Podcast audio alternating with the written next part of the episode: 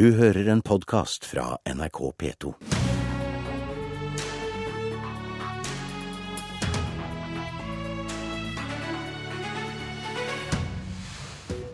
Omfattende kartlegging viser systemsvikt i barnevernet gjennom flere år. Barnevernsbarn får ikke oppfølgingen de har krav på.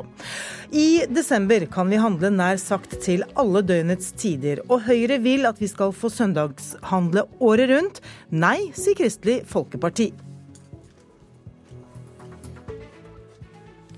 Riktig god morgen, velkommen til Politisk kvarter. En kartlegging NRK har gjort viser at det er omfattende svikt i barnevernet.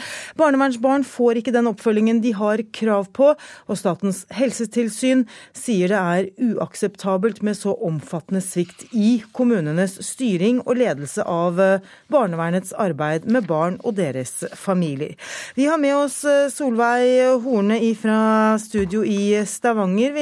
Velkommen og riktig god morgen morgen. God morgen. Ja, Vi har altså hørt i, gjennom Dagsnytt og Nyhetsmorgen her i P2 nå at det er omfattende systemsvikt i barnevernet, og dette har vært kjent i en årrekke.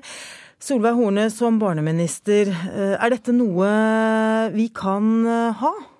Nei, det er ikke det. For det at de barna som trenger at vi ser de og at vi handler, det er de som lider når ikke kommunene følger opp det, det som de er lovpålagt å gjøre.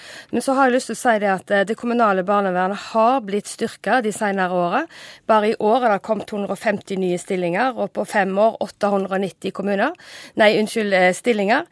Det vil si at kommunene er i en annen posisjon enn det de var bare for fem år siden. Til å kunne ansette flere, til å kunne ha en beredskap og det til å fylle opp de barna som hver eneste dag er avhengig av at vi voksne ser de og handler.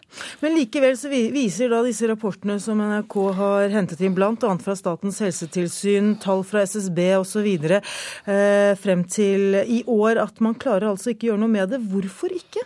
Ja, det tror jeg er mange årsaker. og jeg vil først si at Det er veldig godt at vi har Fylkesmannen og Statens helsetilsyn som fører tilsyn med kommunene. Da får vi avdekket de svakhetene eh, og sette inn eh, tiltak deretter. Eh, og Derfor er det viktig at kommunene nå går igjennom de rutinene de har, går igjennom og ser at de har et forsvarlig barnevern.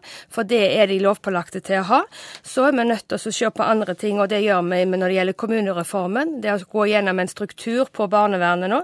slik slik at kommunene også skal få et større ansvar.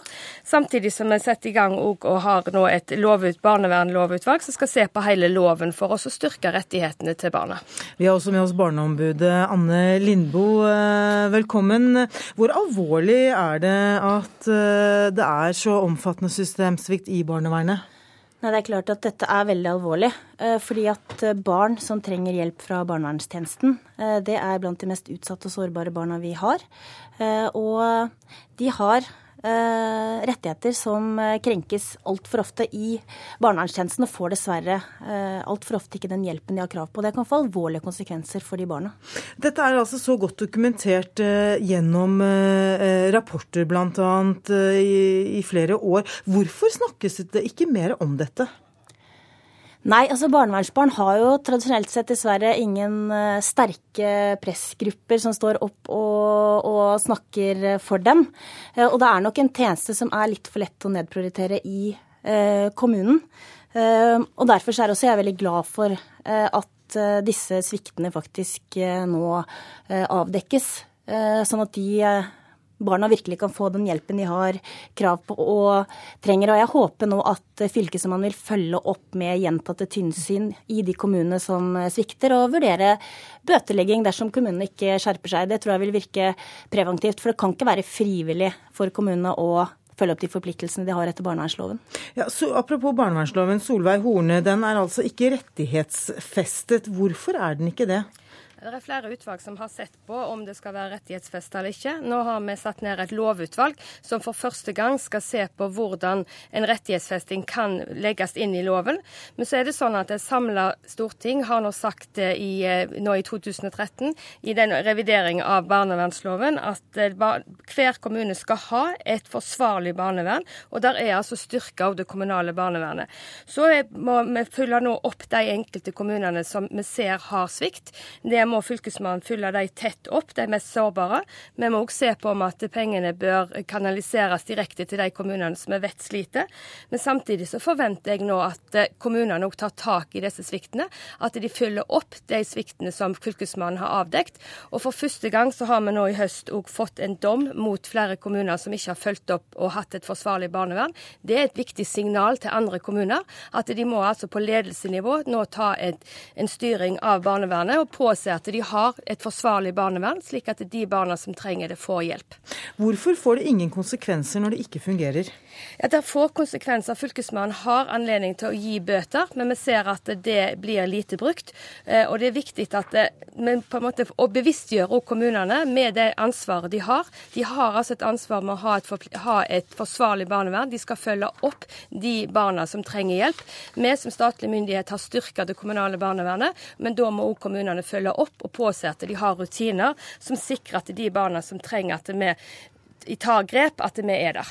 Anne Lindboe, barneombud. Mener du at politikerne gjør nok?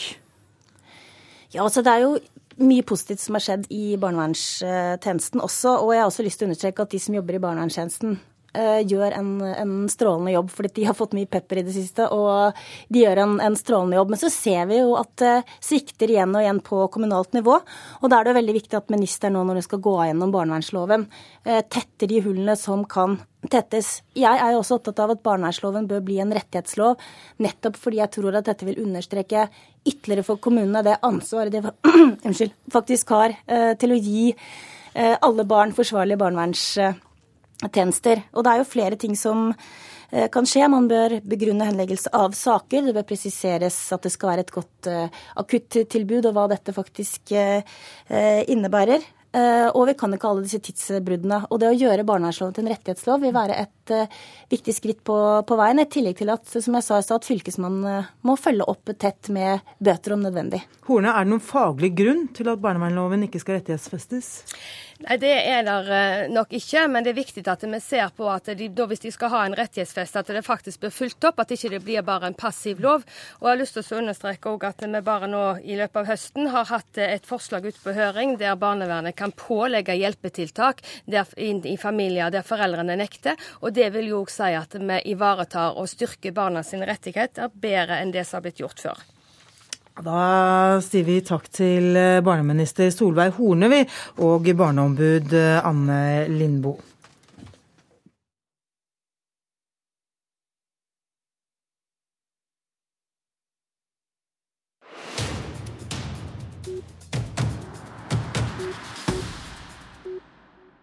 Vi skal til eh, søndagsåpne butikker. Nå i eh, desember er jo måneden der butikkene har lov til å ha søndagsåpent. Nå vil regjeringen endre den loven, slik at vi også skal kunne handle på søndager eh, året rundt. Det er en svært dårlig idé, synes Kristelig Folkeparti, som ber regjeringen om å stoppe forslaget.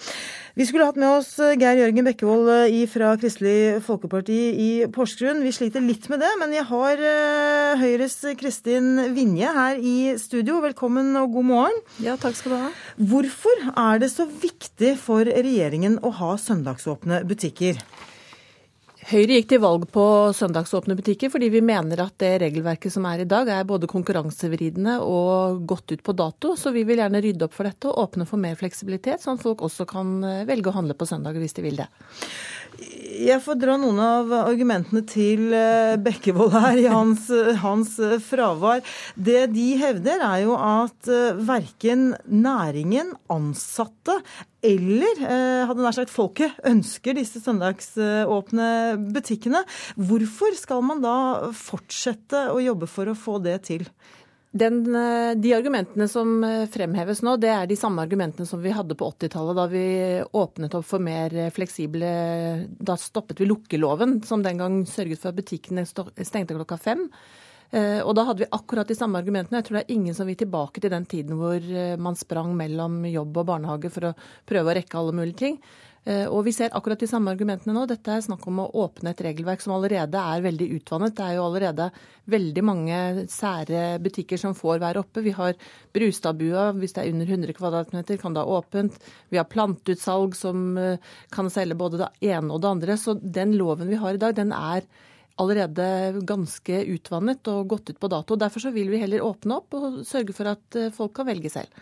Da er uh, Geir Jørgen Bekkevold uh, på plass i, studio i Porsgrunn. Velkommen. Jo, tusen takk.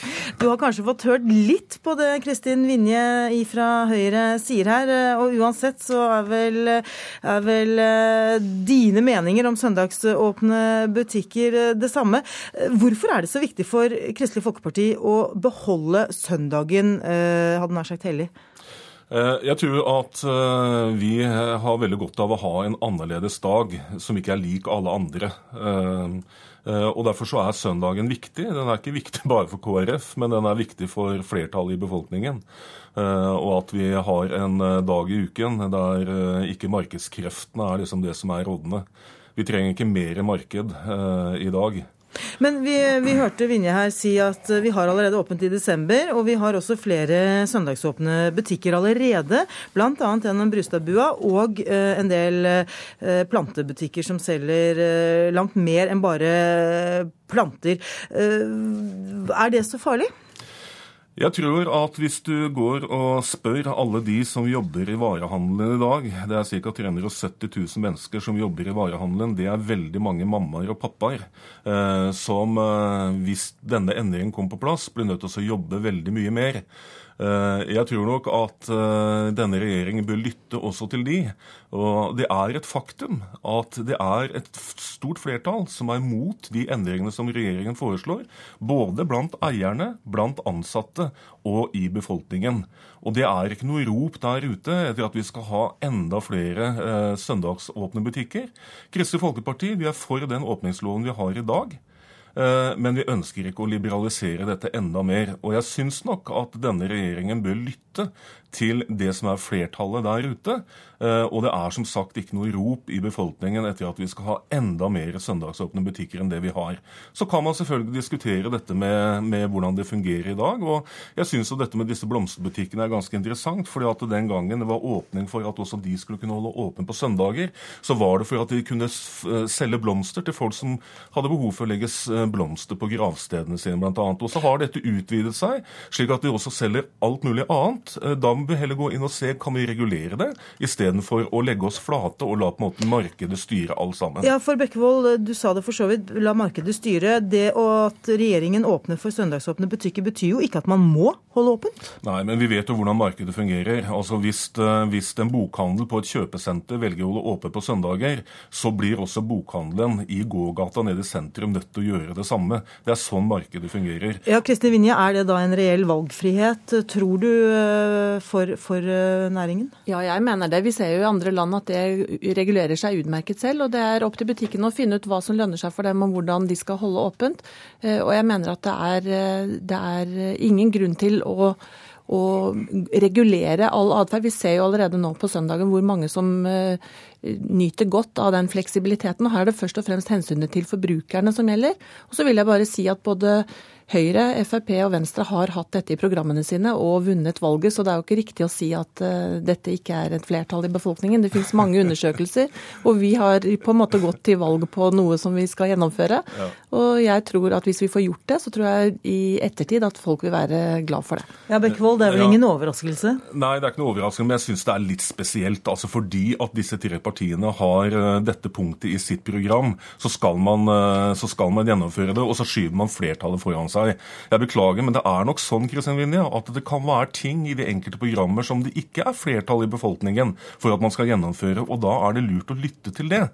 Eh, og jeg syns det blir litt spesielt fordi at det står i, som et programpost, og det står kanskje i en regjeringserklæring. Når man vet at flertallet er imot, da bør man være mer lydhør i forhold til det enn å være lydhør i forhold til ett programpunkt. Ja, Vinje, helt kort, er dere ikke lydhøre? Jo, absolutt. Vi er lydhøre. Vi lytter til veldig mange. Og jeg tror også det er veldig mange som blir glad for å få den fleksibiliteten når det kommer til et stykke. Da er vi nødt til å runde av eh, denne mandagens eh, Politiske kvarter. Takk til Geir Jørgen Bekkevold og Kristin Vinje.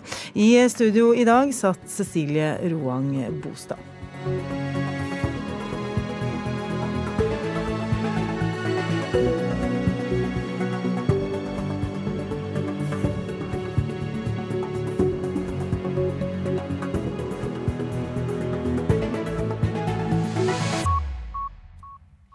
Du har hørt en podkast fra NRK P2.